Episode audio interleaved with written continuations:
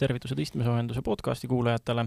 oleme eetris saatega järjekordnumbriga sada kolmkümmend kuus, minu vastas istub autoajakirjanik Indrek Jakobson. tere! ja mina olen autoajakirjanik Veli Rajasaar. Ja alustame selles saates kohe kütuserubriigiga, räägime natukene sellest, mida plaanib Dacia, räägime hiinlaste suurtest plaanidest Euroopat üle võtta, Škodast, Volkswageni ühest olulisest auhinnast, Opeli uue kähkusõiduauto mudelkonna tähistusest ja tuleb juttu veel ka Fordist ja Teslast, proovisõiduautoks Citroen CX5 ja seekordne nädala automõte räägib autoromudest ja mida nendega teha saaks. aga alustame kütusest. Brent on järjepidevalt kukkunud, eelmine saade oli umbes üheksakümmend USA dollarit Brenti barreli hind. nüüd siis on veel toimunud kukkumine no eks ta käis vahepeal üle peaaegu viiskümmend viis protsenti all ära ja kaheksakümmend viis koma kuus oli tase, mida nägime. no praegu on pisut rohkem, aga see on juba detailid, et eh, nina on vääramatult allapoole, nagu me oleme juba päris, päris mitu saadet seda rääkinud. ja posti otsas eh, baashinnad on küll samad nagu varem, et E üheksakümmend viis ikka üks kaheksakümmend kolm, E kaheksa, E üheksakümmend kaheksa, üks kaheksakümmend kaheksa, diiselkütus üks kaheksakümmend viis aga mis annab tunda tegelikult sellest, et äh, nafta hinnad ikkagi langevad, on soodustused. Circle K juba mitmendat nädalavahetust pakub äpiga tankijatele kaheksa senti allahindlust ja nüüd Alexela liitus kodukaardi klientidele seitse senti, nii et see annab tunda, et ilmselt hinnasurve on allapoole no kui bensiini ja diisli hinnad on äh, vaikselt allapoole, siis äh, CNG jätkuvalt on ikkagi väga ülespoole nelja ja poole euroga. aga mis veel õnneks allapoole on tulemas, on äh, kasutatud autode hinnad. noh, mitte küll kohe ei ole seda võib-olla meil siin nii väga lähe, näha, aga Ameerika Ühendriikides on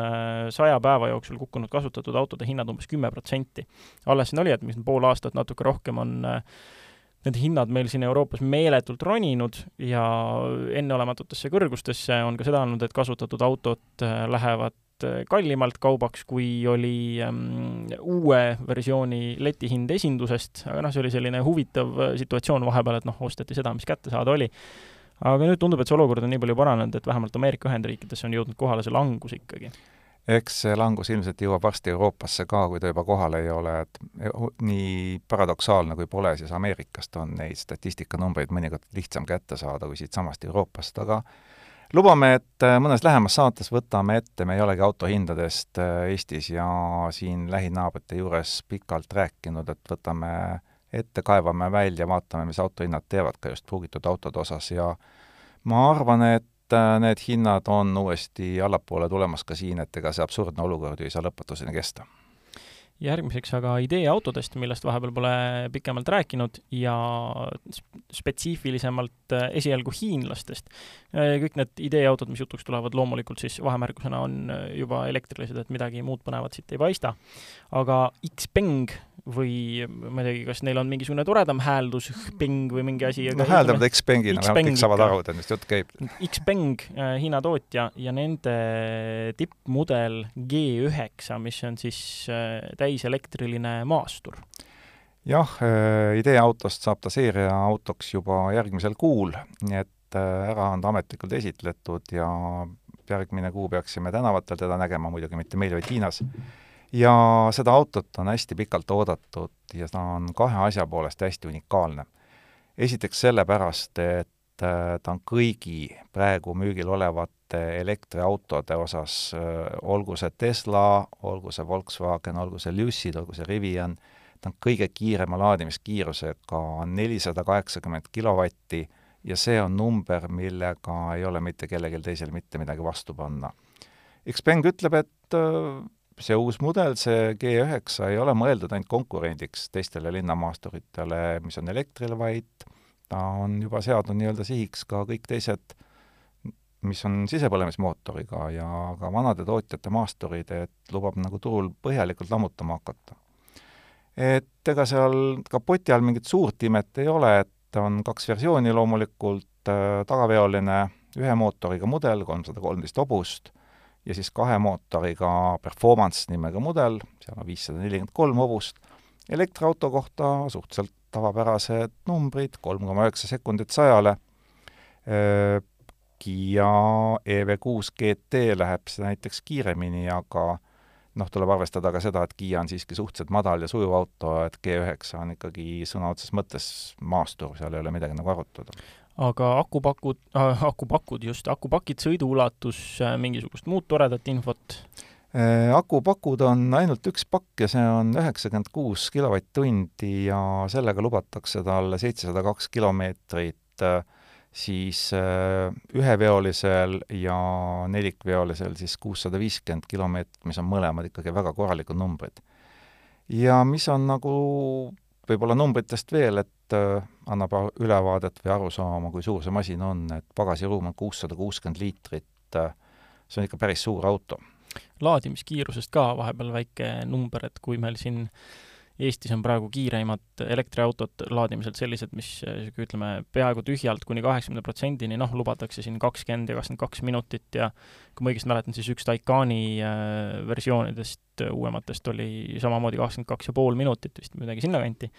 Xpeng lubab siis, et äh, kümnelt kaheksakümnele protsendile vaid viisteist minutit. ehk siis ära seletatult kakssada kilomeetrit viie minutiga et mitu kilomeetrit tunnis see teeb, seda me ei oska siin isegi välja arvutada, aga korrutage viis kaheteistkümnega ja, ja siis no, omakorda kahesajaga, see on ikka päris suur jah. number, tead. aga noh, jällegi võtta kakssada kilomeetrit äh, viie minutiga, kusjuures ma ütleks, et see hakkab juba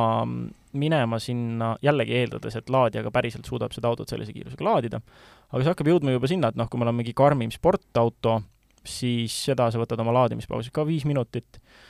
no ütleme, karmim sportauto, jah, noh, kolmsada kilomeetrit ikka ootaks paagi täiesti, aga no see selleks, ütleme, ta hakkab juba jõudma sinna, et jälle kord üks, ähm, üks näitaja, mis, ähm, mis on sisepõlemismootoriga auto puhul, või noh, üks põhilisi argumente, et noh, et sisepõlemismootoriga autot on ju nii palju mugavam tankida ja kiirem ja kõik ja see hakkab minema sinnapoole juba, et ähm, noh,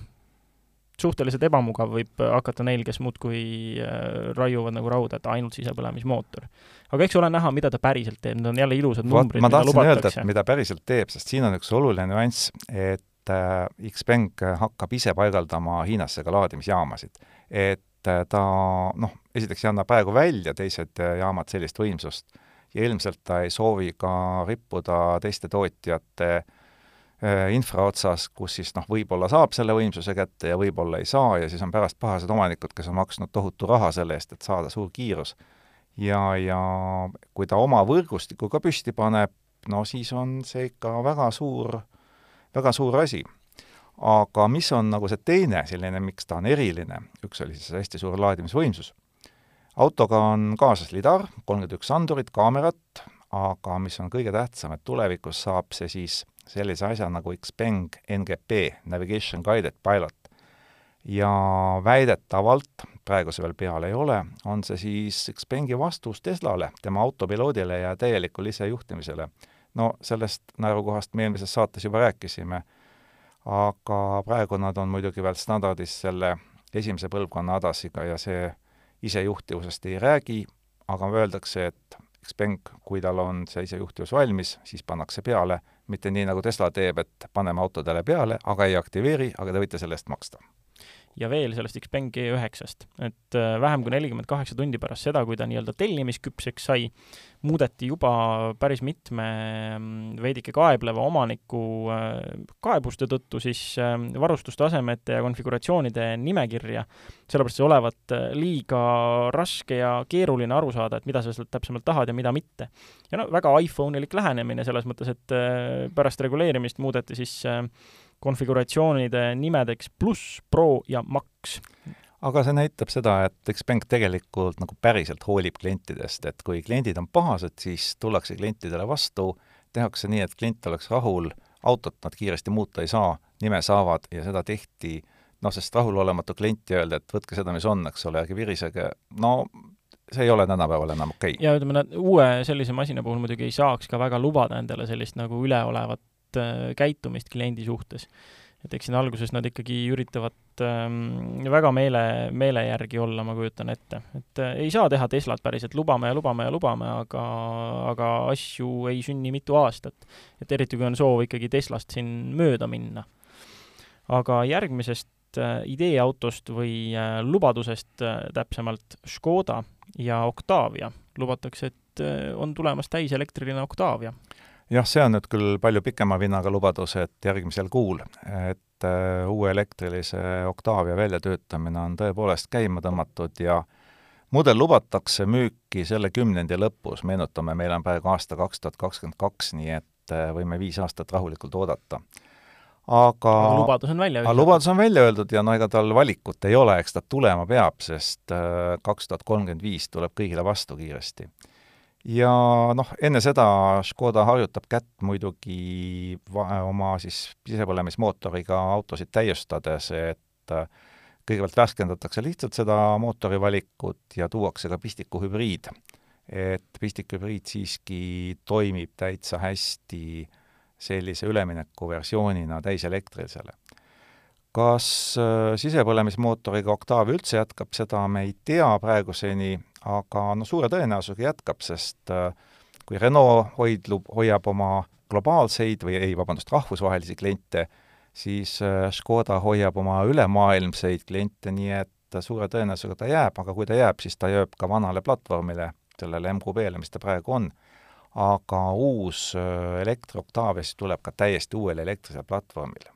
Samas äh, peaks äh, see saama akupaki mõttes kaheksakümne ühe kilovatt-tunnise paki, aga jällegi see on nii pikk lubadus, et ei tea, mis nagu akutehnoloogiaga selleks ajaks muidugi juhtunud on. aga no ikka lubatakse, et kaheksakümmend üheksa kilovatt-tundi ja WLTP järgi üle viiesaja kilomeetri ja laadimiskiirus kuni kakssada kilovatti. Noh, vihjeks see on siis ähm, Xpengil äh, lubati nelisada kaheksakümmend, et kakssada on üle kahe korra vähem, on ju. Et võime ka väga lihtsa matemaatikaga siin öelda, et siis laadimiskiirus on tõenäoliselt samuti vähemalt kaks korda aeglasem aga jällegi, vaatame, mis teeb akutehnoloogia ja mis äh, teevad laadimiskiirused selleks ajaks, kui päriselt on aeg äh, lubadustel ka teostuda. et sinna on ikka tõesti vähemalt viis aastat, nagu sa ütlesid. no selleks ajaks tahaks tegelikult juba tahkisakudega mudeleid näha ja kui Škoda veel lubab ka, et see tuleb nagu uus ja esimene, siis väga võimalik, et äh, asi, millest praegu ei ole räägitud, et tulebki tahkisaku sinna platvormi peale Volkswagen Grupi teemal ka jätkame, Volkswageni ID Buzz Cargo äh, pälvis nimelt sellise toreda auhinna nagu rahvusvaheline aastakaubik kaks tuhat kakskümmend kolm. ja see auhind tuli IAA tarbesõidukite messil. et noh, see rahvusvaheline aastakaubik äh, kõlab eesti keeles pikalt ja lohisevalt nagu päris mitu sellist äh, nimetust, et Van of the Year või International Van of the Year on inglise keeles tunduvalt parem ja suupärasem, sellega oleme harjunud. aga palju õnne igatahes Volkswagenile, palju õnne ID Bussile ja miks kaubik, aga sellepärast, et äh, kui ID Bussist räägiti aastaid, noh siis kui teda välja töötati ja turundati esialgset versiooni, siis räägiti sellest hipibuss. hipibuss tuleb, erilised värvid, kõik sinna juurde käib. Praeguseks hetkeks on kolmteist tuhat äh, kopikatega tellimust tehtud ja pooled nendest on reisijaveo versioonid, millest ilmselt suur osa läheb taksojuhtidele, ja pooled on cargo versioonid, ehk siis ütleme otse kaubikud, mis tähendab seda, et ID-bussist ei tule mitte mingisugust hipibussi, vaid tuleb korralik tööloom, aga vahet pole, peaasi, et kasum tuleb. no meenutame siia vahepeal, et eelmise aasta aastakaubik äh, oli siis Mercedes-Benz Citan ja platvormikaaslane Renault Kangoo. Äh, et äh, võeti siis teatepulk üle ja kui Volkswagenist juba räägime, siis näidati ka uut Amarokki, mis küll tänavu kahjuks Eestisse ei jõua aga ootame väga, sest Amarok on juba päris, päris pikalt tootmises olnud ja praktiliselt muutumatult. lubadusi on olnud, on juttu olnud isegi selle viimisest Ameerika turule, noh, tõenäoliselt siiski mitte. Ja mida me veel ootame, me ootame uut Multivan Editionit, et Multivan ise on juba Eestis, sõidab ringi, aga nüüd siis tutvustati Hannoveris kõige sportlikumat versiooni Multivanist. ja noh, sportlikest autodest rääkides kiikame korra ka Opeli poole, äh, tuletame meelde sellise täheühendi nagu GSE ja see on nüüd siis äh, Opeli sportlikumate masinate ühend uuesti jah, et kes mäletavad aeguni viiskümmend aastat tagasi, siis äh, GSC tähendas Grand Sport Einspritzung ehk siis äh, suurspordi või jah, suursport sissepritse ja seda kasutati siis nende mudelite nagu Commodore ja Monza puhul.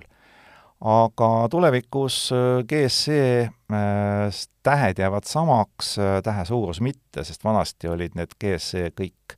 läbivalt siis kolm suurt tähte, nüüd on G ja S suured, E on väike ja see hakkab siis tähendama loomulikult Grand Sport Electric. No see on loomulikult äh, kooskõlas Opeli plaanidega, nagu ka põhimõtteliselt kõigi teiste plaanidega, saada täiselektriliseks kaubamärgiks. aga mis on äh, äge veel, mida on õrritatud ja näidatud äh, juba mõnda aega tagasi, on Opeli, Opel Manta uue tulekuga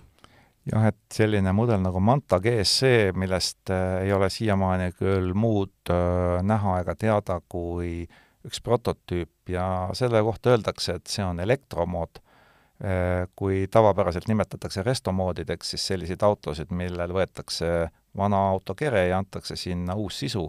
siis äh, Opel tahab sellest teha vana auto stiilis kere, äh, anda sellele uus sisu, natuke uus lihvitud välimus. Oleme näinud, piltide peal muidugi mõista, näeb väga äge välja, kas ta müügisaalidesse jõuab selles suhtes oleme pehmelt öeldes väga skeptilised.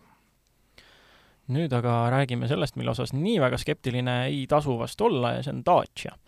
Äh, käisin äh, hiljuti Pariisis ja seal oli, põhimõtteliselt oligi Dacia, ütleme nii-öelda suur brändipäev, kus siis tutvustati, et kuhu suunas Dacia liikumas on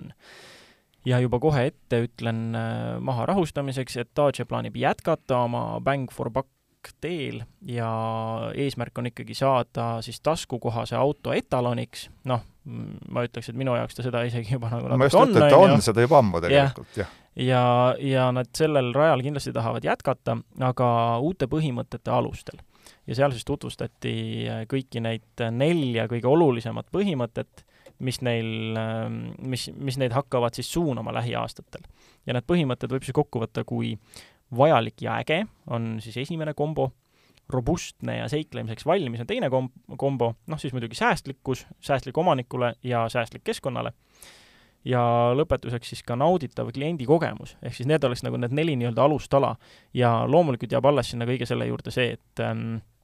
ei keerutata, jällegi, mis me oleme Dacia kohta öelnud, mis on äh, nende puhul nii tore, et nad on väga aus kaubamärk ja praeguse seisuga tundub, et see ausus jääb nagu täiesti alles, et ei ole mingit äh, turunduslike suminasõnade keerutamist.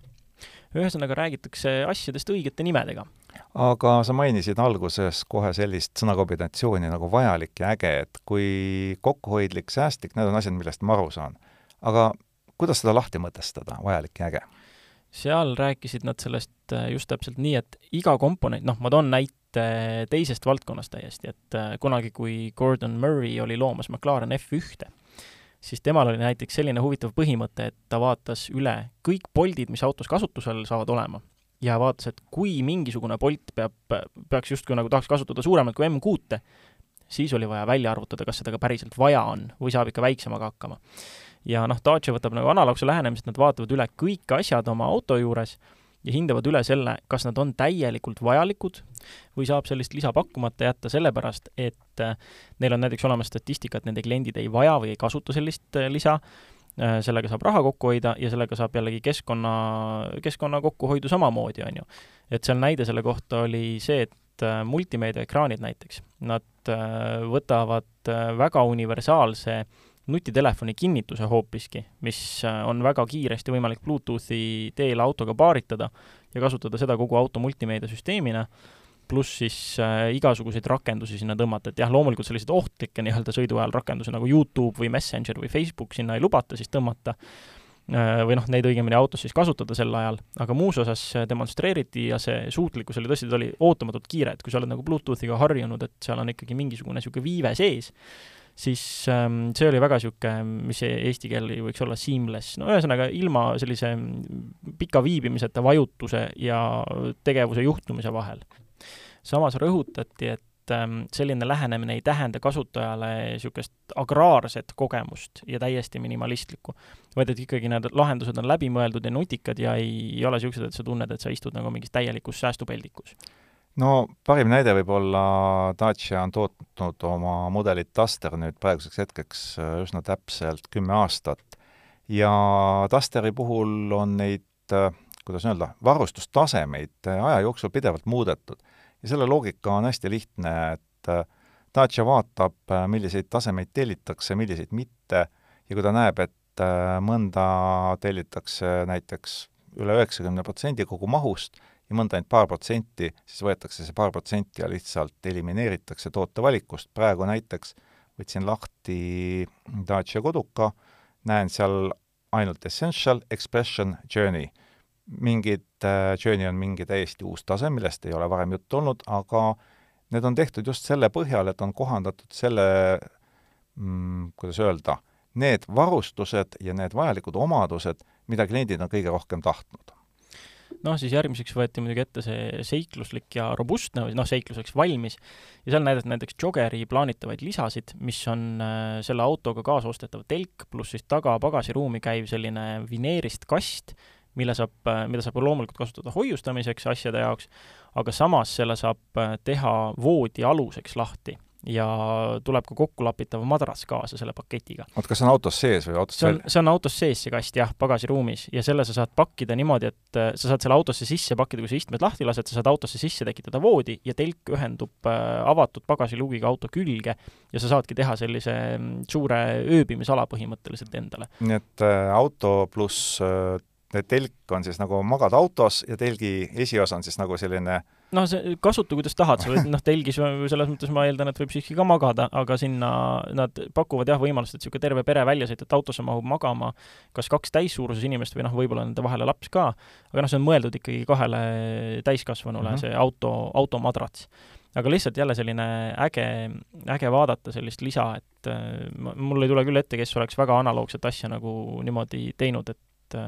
et sellist täis tervikpaketti pakkuda telki väljas seda ei ole olnud jah, et Volkswagen on ehitanud ikka oma multivanile, kui ma ei eksi, või transporterile, ma võin nüüd eksida, mingi, aga ühesõnaga oma mikrobussidele küll nagu katusele selliseid telgi moodi laiendusi. just, aga sellist lahendust, et sul on vineerkarp, mille sa lahti pakid, seda, seda, seda, seda mitte ja,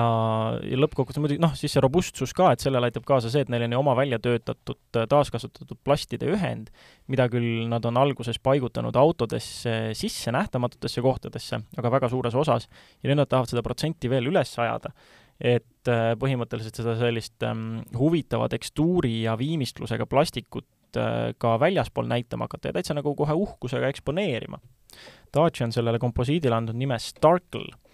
ja noh, sellega on see, et seda, seda protsenti, kui näiteks äh, on äh, praegu on kaksteist protsenti Dacia Dusteris kasutatavast plastikust taaskasutatud, siis tulevikus ihiks tahetakse saada kakskümmend protsenti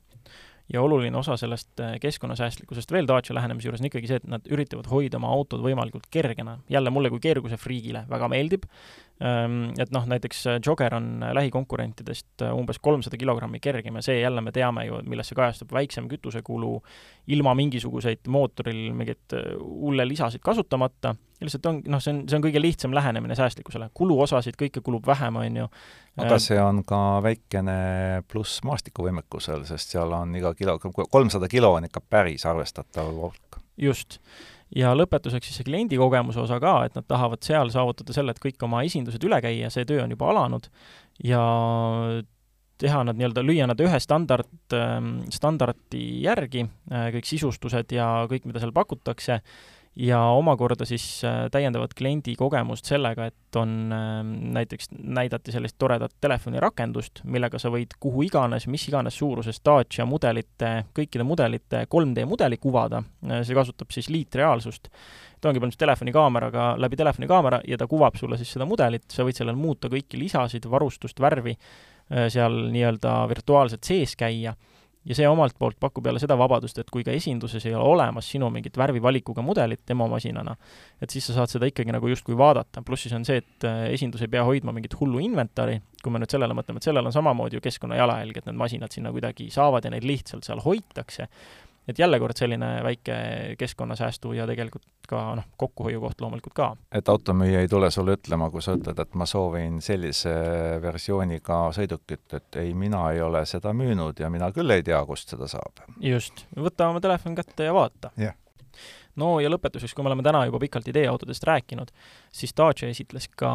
seal brändipäeval siis oma uut ideeautot, mis võtab kõik need lähenemised ühe paketina kokku ja ma ütlen juba kohe ette ära, et jah, muidugi see auto ei jõua sellisel kujul kindlasti tootmisse, aga see on jälle, ütleme, see näitab meile lähenemisi ja see näitab meile võib-olla mõned lisad, mis võivad tulevikus Dacia'l saada standardiks või lisavarustuseks. et idee auto nimi on Manifesto, see on täiselektriline maastur, nagu päris, päris maastur, hästi robustne, puuduvad ähm, uksed, klaasid, igasugused nii-öelda vajamatu värk, oled küll seal elementide käes, aga see on, see, see sellegipoolest, see mõjub ägedalt, mitte, mitte nagu sel-, sellest nagu pagi? jah, just äh,. sisustus, kõik materjalid, kõik asjad on pestavad, istmekatted saab küljest võtta ja magamiskotiks teha näiteks,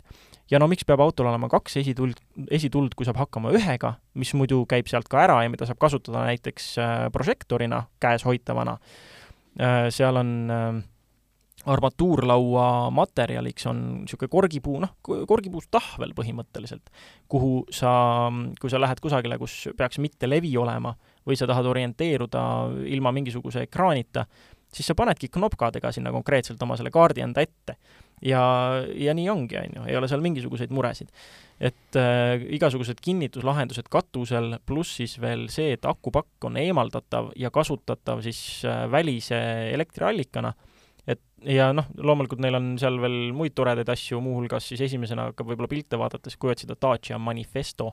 siis võib-olla esimese asjana isegi hakkab silma see, et äh, õhuta rehvid. et jälle need äh, selline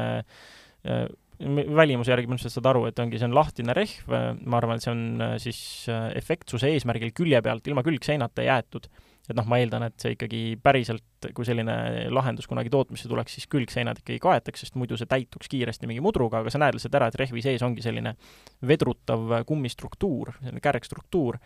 ja noh, seda mitmed, mitmed tootjad üritavad arendada, et õhuta rehve samamoodi, et sul ei juhtu seda, et sa kusagil hätta jääd, kui rehv lõhkeb. et läheme tagasi uuesti sinna, kus äh, sada pluss aastat tagasi alustasime, et igavene häda oli, rehvid olid jäigad ja siis mõeldi välja õhkrehvid ja see oli tohutu innovatsioon ja kogu maailm võttis selle kasutusele ja nüüd lõpetab jälle ära.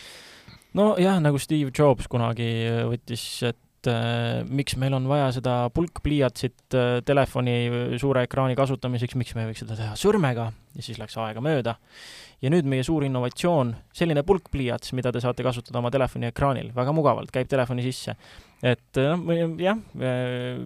selle õhuterehvide puhul vähemasti ma jah, seda kasutegurit selles mõttes näen, et kui see struktuur on nii hea ja vastupidav, et ta päriselt ka on pehme ja vedrutav ja see ka päriselt töötab, siis see on äge. ma kahtlustan, et Dacia puhul see ei ole selline lahendus, mida nad oleks tegelikult nii pikalt arendanud, kui siin mitmed, kes seda nii-öelda põhitööna teevad, et see pigem lihtsalt niisugune jällegi äge asi tehtud, mis näeb tore välja, aga mis tegelikult kasutatav ei ole, aga ma kahtlustan, et see viitab ikkagi sellele, et selle tehnoloogia arendamisega tegeletakse, mis on iseenesest muidugi tore. ja kes äh, lõppude lõpuks kõige selle üle ilmselt kindlasti rõõmustavad, on Lõuna-Euroopa korgipuukasvatajad, sest veinipudeli kork teatavasti asendub üha enam keeratava metalli ja plastikuga ja nemad saavad siis oma ehtsale korgile mõistliku lahenduse. ja, ja Dacia tõenäoliselt sa, saab ka magusa diili. jah. aga jätkame hoopis nädala börsiuudisega, mis puudutab Fordi Ford sai ühe miljardi dollari suuruse arve ja selle arve esitas talle keegi muu kui inflatsioon ise. mis juhtus? Äh, nädal tagasi teisipäeval tagusid investorid Fordi aktsia lihtsalt ja naturaalselt läbi põranda, sest äh, Ford teatas, et kolmanda kvartali kasum, ta andis kasumihoiatuse, varsti tulevad tulemused välja vähendab miljardi dollari võrra ja põhjused lihtsad, esiteks äh, sisseostetava kauba ja toorme hinnad liht-, suurenevad kogu aeg, suurenevad ootamatult, Ford ei suutnud inflatsioonist tulenevat sisendhindade kasvu ette näha ja teine on see, et tarneahela jamad ei ole kuhugi kadunud ikka veel ja praeguse hetkeseisuga jätavad nad kuskil nelikümmend, nelikümmend viis tuhat autot, see on päris suur number. Toodetakse ära ja jäetakse lihtsalt laoplatsile seisma, sest äh, detailid on puudu. mis on nelikümmend kuni nelikümmend viis tuhat, see on Eesti kogu automüük ühes aastas. et kujutate nüüd ette, et kõik autod, mis Eestis müüakse, lihtsalt ühel hetkel ei müüda, sest mingisugune detail on puudu. ja Ford muidugi teatas, et äh, see ei ole probleem, et nad saavutavad oma aasta eesmärgid ja kõik läheb uuesti heaks ja neljandas kvartalis läheb veel paremini. Aga eks me selliseid lubadusi kuulsime juba Toyota suust pärast teist kvartalit, et loodame, et kõik läheb nii, nagu lubatud, aga oleme ettevaatlikud, sest äh, asjad ei lähe praegusel hetkel siiski veel mitte paremaks, vähemalt mitte maailma majanduses. nüüd aga Fordi teemadelt äh, Teslale ja räägime põgusalt mitu uudist. Esiteks, äh, Elon Musk valmistub äh, üleilmseks ai, artificial intelligence'i päevaks, mida maakeeli on hakatud kutsuma kratipäevaks no eesti keeles ju teatavasti tehisintellekti kutsutakse kratiks ja miks see välja mõeldi, sellest räägime natukene hiljem aga jah, kollaseid uudiseid meil Eloni kohta selles saates rääkida ei ole, sest äh, kõik äh, ütleme, energia on tal läinud selleks ettevalmistuseks. Ja mida sealt siis oodata? kõik ootavad äh, humanoidrobotit nimega Optimus. et äh, siiamaani kõik on katsunud äh, erinevates versioonides toota seda, noh, eksperimentaalselt on õnnestunud paljudel äh, on näidatud, on demotud, aga seda tööstuslikult toota ja laialt müüa ei ole siiani ühelgi firmal maailmas õnnestunud. Ja saame põnevusega näha, et kas Elonil nüüd õnnestub, et ärge naerge midagi, Elonil on tõsi taga, Tesla on palganud päris palju robootikainsenere sellise projekti, mille koondnimetus on Tesla bot kallal töötamas ja ütleb täiesti konkreetselt, et et äh, need, kes sinna inimesi värbavad, et tulevikus võib olla maailmas miljoneid äh, Tesla roboteid, sedasama robotit hakatakse tootma, noh, vähemalt Twitteri säutsude andmetel, järgmisel aastal ja öeldakse, et seda robotit saab kasutada absoluutselt kõigeks, et äh, tehase põrandal räuskamisest kuni catgirl'ini ehk siis ekspordini noh, aga samas on see, et kui Muskil õnnestub äriliselt kasulik humanoidrobot välja töötada, siis see on midagi, millest ta on ees kõigist teistest, kes on seda üritanud ja siiani läbi kukkunud, et neid on palju, sealhulgas NASA isegi. Et äh, jällegi üks selliseid toredaid lubadusi, vaatame, mis saab, aga sellest, mis, äh, mis on käegakatsutav ja mis on päriselt toimumas, on Tesla on hakanud han-, andma Hiina ostjatele allahindlusi. Et see on nüüd juba päris suur üllatus, sellepärast et kui me alustasime oma saadet sellest, et Ameerika Ühendriikides kasutatud autode hinnad langevad ja nüüd pakub onu Elon allahindlust Hiinas, siis see tähendab seda, et äh, hinnasurve ülespoole hakkab vaikselt äh, järgi andma. me ju mäletame, umbes pool aastat tagasi rääkisime saates, kuidas Elon oli väga kurb, kui ta pidi autohindasid tõstma ja valas selle juures päris palju krokodillipisaraid. kas nüüd äh, on need ajad läbi, pigem jah, ja, ja eks Hiinas on Elonil väljakutsed suured. aga tulemused on ka, et Shanghai tehas äh, on nüüd korralikult ümber ehitatud ja praegusel hetkel on seal siis võimekus miljon autot aastas toota, muidugi sellisel juhul, kui tarneahelas ühtegi jama ei teki. ja äh, hakkab see siis tootma ainult Äh, mudel kolme ja mudel Y-it ehk äh, arusaadavamas numbris päevas kakskümmend kaks tuhat autot. no juttu tehti ka full self-driving ust, pikalt jälle lubatud, paljud maksavad juba selle õhu eest suurt raha. Ja noh, Musk ütles siis, et ähm, see on päris, päris hästi on ikka sellega ja sada kuuskümmend tuhat juhti, neil on see teoreetiliselt kättesaadav. Aga noh, reaalsuses ikkagi on see, et hagid on esitatud ja uurimine autopiloodi ohutuse kohta ja noh, siis ka full self-driving'u kohta alles käib, et äh, reaalsus on see, et see on ikkagi kasutuskõlbulikkusest äh, väga kaugel et viimasest äh, kohtuasjast rääkisime alles eelmises saates ja tegemist ei ole ju kaugeltki ainsa kohtuasjaga, mis Elonil kaelas on, nii et ootame põnevusega ai-ga, kas tuleb läbimurre või siis ei tule aga lubasime öelda, et mis see ai või see kratt on. Äh, eesti keeles defineerides äh, tegemist on tehisintellekti süsteemiga ja seesama süsteem põhineb siis tarkvaralisel algoritmil, mis on autonoomne ja mis kõige tähtsam, et ta on õppimisvõimeline ja täidab siis neid toiminguid, mida traditsiooniliselt inimene teeb. ehk et erinevalt tavapärasest äh, äh arvutiprogrammist äh, muudest mehaanilistest lahendustest ta suudab ise õppida. ja noh, praegusel hetkel on levinud selline kitsas tehisintellekt, narrow ai, ja see tähendab seda, et see masin, see tarkvara suudab siis käituda intelligentselt ühes kitsas valdkonnas, aga neid valdkondi on päris palju ja eks äh, neid aegamööda tuleb juurde. noh, räägitakse loomulikult ka sellest, et äh, kratid on need, mis suudavad kõrvaldada siis just sellist aeganõudvat tööd ja äh, inimese kõige rumalamat nüri mehaanilist tegevust, nii et loodame, et tulevikus äh, neil kindlasti hästi läheb, kindlasti läheb ka, selles me ei kahtle. kas nüüd Tesla, Elon, humanoidrobot ja tema FSD on need kohad, mis äh, selle revolutsiooni toovad, seda me veel vaatame, sest ega nagu Xpengi näide näitab, hiinlased ei ole sugugi paigal nüüd me oleme aga nii kaugel, et aeg oleks ette võtta selle nädala proovisõiduauto, milleks oli Citroen CX5 ja sel korral jälle jõudis sellega sõita Indrek, nii et äh, mina küsin küsimusi ja Indrek siis räägib, mis ta sellest autost arvas. Äh, esimene küsimus kohe, no Citroen loomulikult, äh, on ta jätkuvalt ähm, mugav ja ägeda disainiga, nagu Citroen oma kõige tugevamateks alustaladeks lubab? Sellele küsimusele vastamiseks peaks minema natukene ajalukku tagasi, aga kuna meil pikka ekskurssi teha mahti pole, siis äh, C5 äh, Citroeni mudelikammast kadus ära paar aastat tagasi üleüldse ja praegusel hetkel me C5 enam ei leia. ja me leiame küll Citroeni mudelivalikust äh, C5 Aircrossi, mis on klassikaline linnamaastur ja ainult esiveoline, ja mida CX5X oma kontseptsioonilt kujutab, siis tegemist on hästi la-, äh, huvitava kontseptsiooniga autoga, kus on siis natukene toodud sisse erinevaid komponente linnamaasturist, natukene universaalist ja natukene siis jäägrevankrist. ja kui umbes neli aastat tagasi Opel tõi oma Insigniast välja universaalverega versiooni, mis oli kõrgemale tõstetud, siis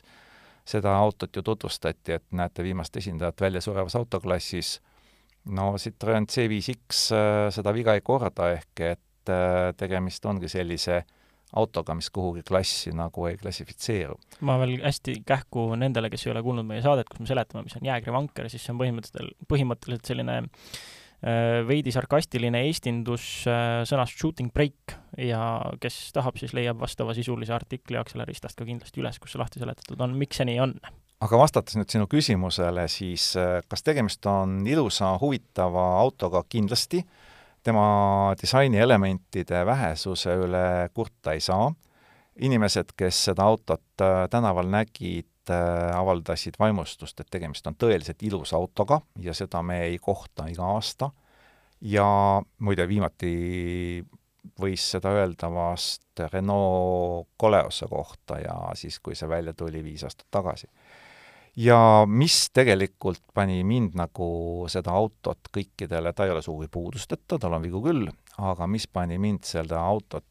noh, mitte nüüd armastama, aga vähemasti temasse väga positiivselt suhtuma, on see, et tegemist on autoga, millega on ülimugav sõita. ehk kui me räägime nendest ajaloolistest Citroeni väärtustest, pehme, vaikne, mugav, sujuv, siis need on need väärtused, need omadused, mis on uues C5X-is jälle tagasi. No seda on hea kuulda vähemasti, et me siis turundusjutuga petta ei saa, olles pidanud tõlkima ja toimetama mitmeid äh, Citroeni turundustekste, siis nemad seal tahavad hullult kasutada oma seda lendava vaiba analoogiat et no oli ta nagu siis mugav nagu lendav vaip? kusjuures oli küll. ja noh, kas nüüd lendav vaip, mul ei ole kahjuks olnud elus õnne lendava vaibaga lennata. võrdlusmoment ikkagi puudub, jah? jah, aga ma kujutan umbes ette, et midagi analoogilist võib ta tõesti olla, sest vähemalt autodega võrreldes äh, ei, ta ei ole nii pehme, et hakkaks äh, kurvis ujuma või midagi muud taolist tegema, sõidab täiesti korralikult ja konkreetselt. aga kas on põhjuseks äh, vedrustuse omapära, kas on põhjuseks lihtsalt väga pikk teljevahe või kõik need asjad koos, aga see auto on tõesti pehme. järgmiseks ma küsin kohe istmete kohta, sest ka istmed on alati olnud suur äh, suurelt rõhutatud, et neil on mingi oma erivahu, noh, erinevad mingid kihid seal sees ja mingid erivahud ja äge lähenemine sellele istmetehnoloogiale, mis sind kuidagi toestab ja samas samal ajal ümbert kallistab ja laseb sisse vajuda ja kõik, et kas ka istmete puhul on täheldada mingisugust suurt kiitust? Seda mitte, istmed on täiesti tavalised, normaalsed, korralikud istmed ilma mingite eriliste väga suurte lisadeta, loomulikult äh, testiautoks oli tippversioon, kus olid istmed elektriliselt igatepidi seot-, seatavad. istmed on okei okay, äh,, mitte midagi erilist, sellist erilisest äh, no ütleme, nagu pehmusest rääkida, mida võiks nagu ja mida ka sai nagu tunnetada Citroeni odavamate mudelite puhul, räägime siis C4-st ja C3-st, ei, selles osas on C5-l pandud rõhk ikkagi auto enda tervikuna ja iste pigem hoiab sellist isegi võib-olla saksapärast joont natukene. Aga üleüldisest sõidust, aga enne seda ma küsin äh, ära ka andmed, et sa ütlesid, et see oli tippversioon mis äh, ajami valikuid tippversioonil on ja mis on äh, alumise riiuli versioonid ja palju hinnaklass on? hinnaklass algab kolmekümne ühest tuhandest üheksasada üheksakümnest, noh, ütleme otse kolmkümmend kaks tuhat eurot ja lõpeb siis kusagil juba noh, üle viiekümne kahe ja poole tuhande, võib-olla siis sinna natukene nipet-näpet lisa juurde. aga mis teeb selle ajamite osas huvitavaks, on see, et äh, sellele autole ei pakuta enam diiselmootorit, mis on minu meelest väga üllatav, kuna BSA-l on väga korralik ühe koma viiene mhm. diiselmootor olemas ja miks seda isegi võimalusena ei anta, ei olegi, ei ole, ei ole, ei tule, see on nagu natukene üllatav, et äh, diiselmootor on siiski Lõuna-Euroopas äh, üsna levinud äh, siiamaani, et selle otsuse noh, okei okay. no,. ei, ei peaks olema otsus. tegelikult häbi diiselmootorit pakkuda veel. ja see tähendab seda, et sellest autost ongi ainult kaks ajami valikut noh, bensiinimootor, kahesugused bensiinimootorid ja siis pistikhübriid äh,. Algversioon, baastase on seesama vana ühe koma kahene, saja kolmekümne hobujõuline kolmesilindriline mootor, millest äh, noh, mille sobivus äh, Citroeni kapoti alla ilmselt äh, lõpeb sellega, et peab olema mingisugune versioon hinnad alates, aga rohkem nagu seost äh, selle auto mugavuse, luksuslikkuse, selle kaheldava kütusekulu ja küst-, kestvusega mootoriga nagu ei tahaks leida, aga proovisõiduauto oli tavaline ühe koma kuue liitrise bensiinimootoriga sada kaheksakümmend hobujõudu, täiesti piisav, et seda autot edasi liigutada. Ja noh, pistikhübriidi meil kasutada ei õnnestunud, aga tehnoloogia, kui on sama, mis näiteks Opelil, siis ilmselt on tegemist väga korraliku asjaga no ja sellest X-tähest seal nimes ma järeldaks ja hinnast ka äh,, hinnad alates hinnast, siis et tegu on nelikveolise autoga? ei, kahjuks mitte, et võiks olla, aga see X antud juhul tähendab lihtsalt kerget maasturlikkuse elemente auto disainis no analoogiat ei ole ju võimalik ega eh, põhjust kaugelt otsida, Stellantise kontserni värske liige Opel nimetas ju väga mitmeid oma mudeliseeria autosid X-tähega mõned aastad tagasi, võtame näiteks eh, Crossland, Grandland, Mokka, ja siis võeti uuesti X tagant ära ja öeldi, et nüüd on jälle väike innovatsioon toimunud. nii et selles mõttes X-ile ei ole mõtet rohkem tähelepanu pöörata äh, kui seda, et see eristab teda varasemast äh, C5-st. jah, puha pettus, samas Mazdal samamoodi äh, X on tähistanud eksperimentaalmudeleid hoopis, nii et äh, et lihtsalt siin ei tasu siis ennast petta lasta sellest jah, et see, see on seal ja näeb välja nagu maastur, paraku ikkagi ainult esivedu.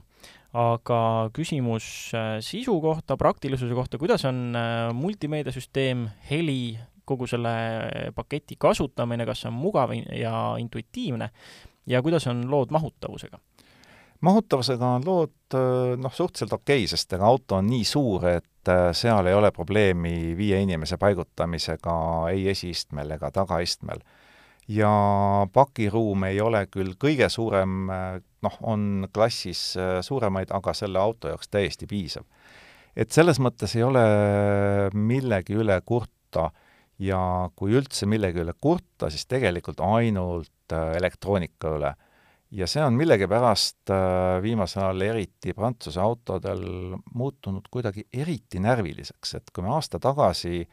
rääkisime, et Renault Arcana on väga hea auto, aga tema juhi abisid tuleb hakata välja lülitama, sest nad on, segavad sõitmist, siis nüüd me, noh, mina, kes ma tavaliselt armastan kõiki elektroonilisi abisid hoida sees, kui ma just ei taha natuke lõbutseda, ma lülitasin aeg-ajalt välja, sest äh, nad lihtsalt tüütasid mind ära, et ta, kui juht peab ikka rajahoidikuga maadlema, sest mina tahan hoida sõidurajas ennast ühes kohas ja rajahoidik tahab teises kohas, no siis ma lülitan ta lihtsalt välja ja noh, trajektoor äh, on ikkagi omal nagu mõistlik kas see välja, väljalülitamine on äh, vähemalt mugavaks tehtud? jaa, see väljalülitamine on mugavamaks tehtud. ja selleks ei pea minema menüü sügavustesse, et äh, see menüüd on ilusad, äh, ekraan on suur, töötab hästi, on hästi kasutatav, mis on üllatav, ei ole sellel autol ekraan enam juhi poole keeratud, vaid ongi täiesti sirgelt võrdselt kasutatav nagu juhil ja kaassõitjal. Mis on omapära, on see, et äh, selle ekraani, sellel olev helitugevuse nupp on täiesti füüsiline nupp alles ja see paikneb kaassõitja poole peal. nii et käsi tuleb pikalt välja sirutada, kui tahad helitugevust reguleerida, ma ei tea, miks see hea on aga üldiselt sa ütlesid, et sellel autol on ka miinuseid, noh, sa oled nagu muu jutu sees juba maininud, et okei okay,, diiselmootorit ei pakuta äh,, alama riiuli mootor ei ole kõik see parem just, aga mis, mis miinuseid sulle, sa seal veel täheldasid, kui üldse? ega see ainukene miinus ongi, või minu jaoks kõige suurem miinus on elektroonika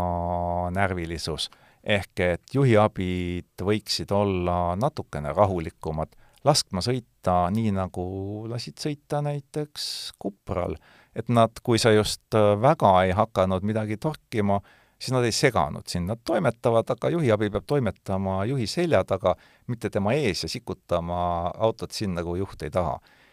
no auto hold äh, funktsioon on see, millest linnas nagu puudust tunned, et äh, no võib loomulikult jalga piduripedaali peal hoida, aga mõnusam on see, kui auto teeb seda ise ja tänapäeval on see ju täiesti võimalik. kas seda ei saa ühegi valemiga CX5-le? seda ei saa ühegi valemiga ja seda ei saa ühegi valemiga enamikule Stellantise kontserni autodele. ei saa näiteks, mul ei tule ette ühtegi Opelit, millele saab, sest me oleme viimasel ajal sõitnud nii Grandlandi kui Astraga uued mudelid selleaastased ja seal ei ole seda funktsionaalsust, nii et tundub, et äh, Stellantises on võetud mingi noh, meie hinnangul kahtlasevõitu otsus, et seda funktsionaalsust mitte pakkuda, aga loodame, et nad mõtlevad mingi aeg ümber. aga nüüd saate lõpetuseks läheme uue auto teemalt hoopis vana väga,, väga-väga vana auto teemale ja räägime romusõidukitest. et äh, on selline uus lähenemine nüüd, äh, kuidas äh, romusõidukeid saaks tänavatelt vähemaks et äh, Tallinnas on siis äh, Autolammutuse Liit ja Keskkonnaministeerium koos siis ka Kuusa Koskiga korraldamas äh, novembri lõpus, see on siis juba umbes kahe kuu pärast, autoromude tasuta äraveo kampaania, et probleem on ju tegelikult üsna suur, me oleme sellest rääkinud, ega elu pole palju paremaks läinud. Ja noh, kui vaadata statistikat, siis tegelikult mupo saab keskeltläbi üks kõne päevas ühe auto kohta, mis lihtsalt seisab kusagil ja mis on jäänud äh, noh, ilmselgelt ei ole tal enam omanikku, küll on rehvid tühjad, küll on sammal peale kasvanud ja aastas kuskil kaks-kolm autot päevas on, millega mupo lihtsalt peab tegelema, omanik saab mingi aja pärast siis äh, karistusregistrisse väärteomenetluse, aga see kõik ei ole tegelikult üldse nagu see lahendus, mida tegelikult võiks ju olla, et äh, kui inimesed näevad autot, mille puhul ilmselgelt on romuauto tunnused, siis on kõige lihtsam viis tegelikult helistada muposse, anda teada, et seal on sellised romutunnustega sõidukid ja sellisel juhul kontrollitakse selle sõidukit ja see ei ole peale kamp-, kaebamiskampaania, sest mupo ei torma kohe seda autot ära viima, seda autot äh, hoitakse seal kohapeal aasta aega ja kui aasta jooksul omanik ei ole mitte midagi teinud, sammal ikka kasvab, siis on õigus see auto sundkorras ära viia, enne mitte. aga miks meie sellest räägime, on see, et me koputame ennekõike autoomanike südametunnistusele hinnanguliselt saab romuauto eest praegu, kui kõik kulud maha võtta, kuskil sada viiskümmend, sada kuuskümmend eurot puhast raha peo peale, no miks seda jätta tee äärde mädanema, kui võib selle oma rahakotti saada? ja samas mul tekib siin see küsimus, et äh, ütleme, okei okay,, aasta aega võib seista kusagil, aga mis seal siis on, et see, kui, kui on nagu, mupo ju kogu aeg seda ei jälgi, mis näiteks siis, kui seda autot ikkagi vahepeal ta käib kusagil sõidus, pannakse sama koha peale tagasi, et no kui see auto juba sõidus käib, siis ei ole tegemist enam romuautoga, selles mõttes, et siis on ta juba täiesti sõidetav auto. aga siis ongi see, et kas, kuidas siis sellisel juhul, kui äh, mupo nii-öelda raamatus saab aasta aega täis, aga tegelikult seda autot kasutatakse, kuidas, mida siis nagu toimima huvitav või mida tegema peaks? tõestama, et auto maha, eks ole. tõestama, et tegelikult ma vahepeal ikka kasutan seda või? no kui sa, kui auto juba sõidab, siis ei ole seda ju vaja tõestada, et siis äh, peavad olema rehvid täis, ilmselt äh, tuule, tuul puhub sambla külje pealt minema, nii et et äh, sellisel juhul ei ole kindlasti see probleem. ehk siis siin ongi see küsimus tegelikult, et mis on see romusõiduk ja kui keegi ikkagi midagi peale kaebab, et siis äh, ei ole päris nii, et äh, suvaline vanem auto, mis kusagil seisab, et selle puhul kaevatakse peale ja siis kohe on see vaatluse all jõuliselt ja